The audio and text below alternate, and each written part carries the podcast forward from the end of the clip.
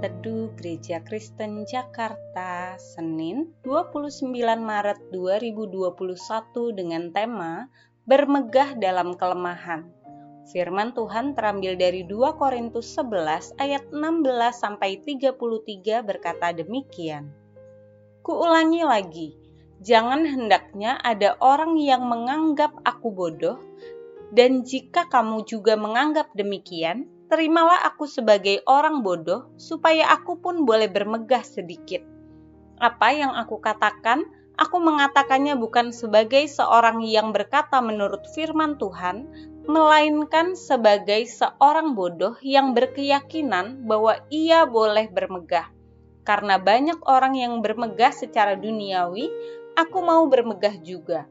Sebab kamu suka sabar terhadap orang bodoh karena kamu begitu bijaksana. Karena kamu sabar, jika orang memperhambakan kamu, jika orang menghisap kamu, jika orang menguasai kamu, jika orang berlaku angkuh terhadap kamu, jika orang menampar kamu, dengan sangat malu aku harus mengakui bahwa dalam hal semacam itu kami terlalu lemah. Tetapi jika orang-orang lain berani membanggakan sesuatu, maka aku pun Aku berkata dalam kebodohan, berani juga. Apakah mereka orang Ibrani? Aku juga orang Ibrani. Apakah mereka orang Israel? Aku juga orang Israel. Apakah mereka keturunan Abraham? Aku juga keturunan Abraham. Apakah mereka pelayan Kristus? Aku berkata seperti orang gila, aku lebih lagi. Aku lebih banyak berjerih lelah, lebih sering di dalam penjara, didera di luar batas, kerap kali dalam bahaya maut. Lima kali aku disesah orang Yahudi, setiap kali empat puluh kurang satu pukulan. Tiga kali aku didera, satu kali aku dilempari dengan batu, tiga kali aku mengalami karam kapal, sehari semalam aku terkatung-katung di tengah laut dalam perjalananku aku sering diancam oleh bahaya banjir dan bahaya penyamun. Bahaya dari pihak orang-orang Yahudi dan dari pihak orang-orang bukan Yahudi.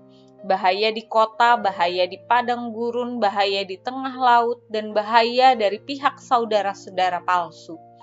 Aku banyak berjerih lelah dan bekerja berat. Kerap kali aku tidak tidur, aku lapar dan dahaga, Kerap kali aku berpuasa, kedinginan, dan tanpa pakaian. Dan dengan tidak menyebut banyak hal lain lagi, urusanku sehari-hari yaitu untuk memelihara semua jemaat-jemaat. Jika ada orang merasa lemah, tidakkah aku turut merasa lemah? Jika ada orang tersandung, tidakkah hatiku hancur oleh duka cita? Jika aku harus bermegah, maka aku akan bermegah atas kelemahanku. Pada dasarnya, setiap orang mempunyai sesuatu yang dibanggakan, entah itu kedudukan, status sosial, harta benda, kepintaran, atau bahkan prestasi-prestasi yang didapat oleh dirinya sendiri. Dan karena memiliki berbagai kebanggaan tersebut, maka seseorang akan terus berjuang untuk mempertahankannya. Kalau kita memperhatikan judul renungan hari ini, bermegah dalam kelemahan, sepertinya tidak masuk akal. Biasanya, orang bermegah dalam kelebihannya dan bukan dalam kelemahannya. Dalam nats renungan hari ini, Rasul Paulus mengatakan dalam ayat ke-30, "Jika aku harus bermegah, maka aku akan bermegah dalam kelemahanku." Kelemahan di sini tidak diartikan sebagai dosa. Yang Paulus maksudkan kelemahan di sini adalah kesadaran diri yang kecil miskin di hadapan Tuhan yang disembah dan dilayani. Ada banyak tantangan dalam mengikut dan mengabdi kepada Kristus, dan Rasul Paulus melatih dirinya untuk tetap menundukkan dirinya di bawah Tuhan. Bukan dia lagi yang menjadi Tuhan, pengendali bagi hidupnya, melainkan Tuhan Yesus. Seluruh hidupnya bagi Kristus semua yang dialaminya termasuk berbagai bentuk penderitaan dalam mengikut dan mengabdi kepada Kristus dijalani dengan ketundukan yang penuh di hadapan Tuhan. Bagi Rasul Paulus, pergumulannya dalam menghidupi dan menyaksikan kebenaran Kristus adalah sesuatu yang membanggakan. Ada alasan bagi kita untuk bermegah dalam kelemahan, seperti Rasul Paulus. Pertama, dalam area kelemahan menyadarkan kita akan anugerah Tuhan. Anugerah adalah sesuatu yang telah diterima dari Allah di dalam Kristus Yesus bagi setiap orang percaya termasuk kita bukan karena kita pantas menerimanya, melainkan karena Allah mau memberikannya tanpa syarat di dalam Kristus Yesus. Ketika kita dalam kelemahan menyadari bahwa kita sangat membutuhkan anugerah Tuhan, kita tidak bisa mengandalkan kekuatan dan kehebatan kita. Kedua, karena dalam kelemahan kita belajar untuk mengingat Tuhan dan anugerahnya.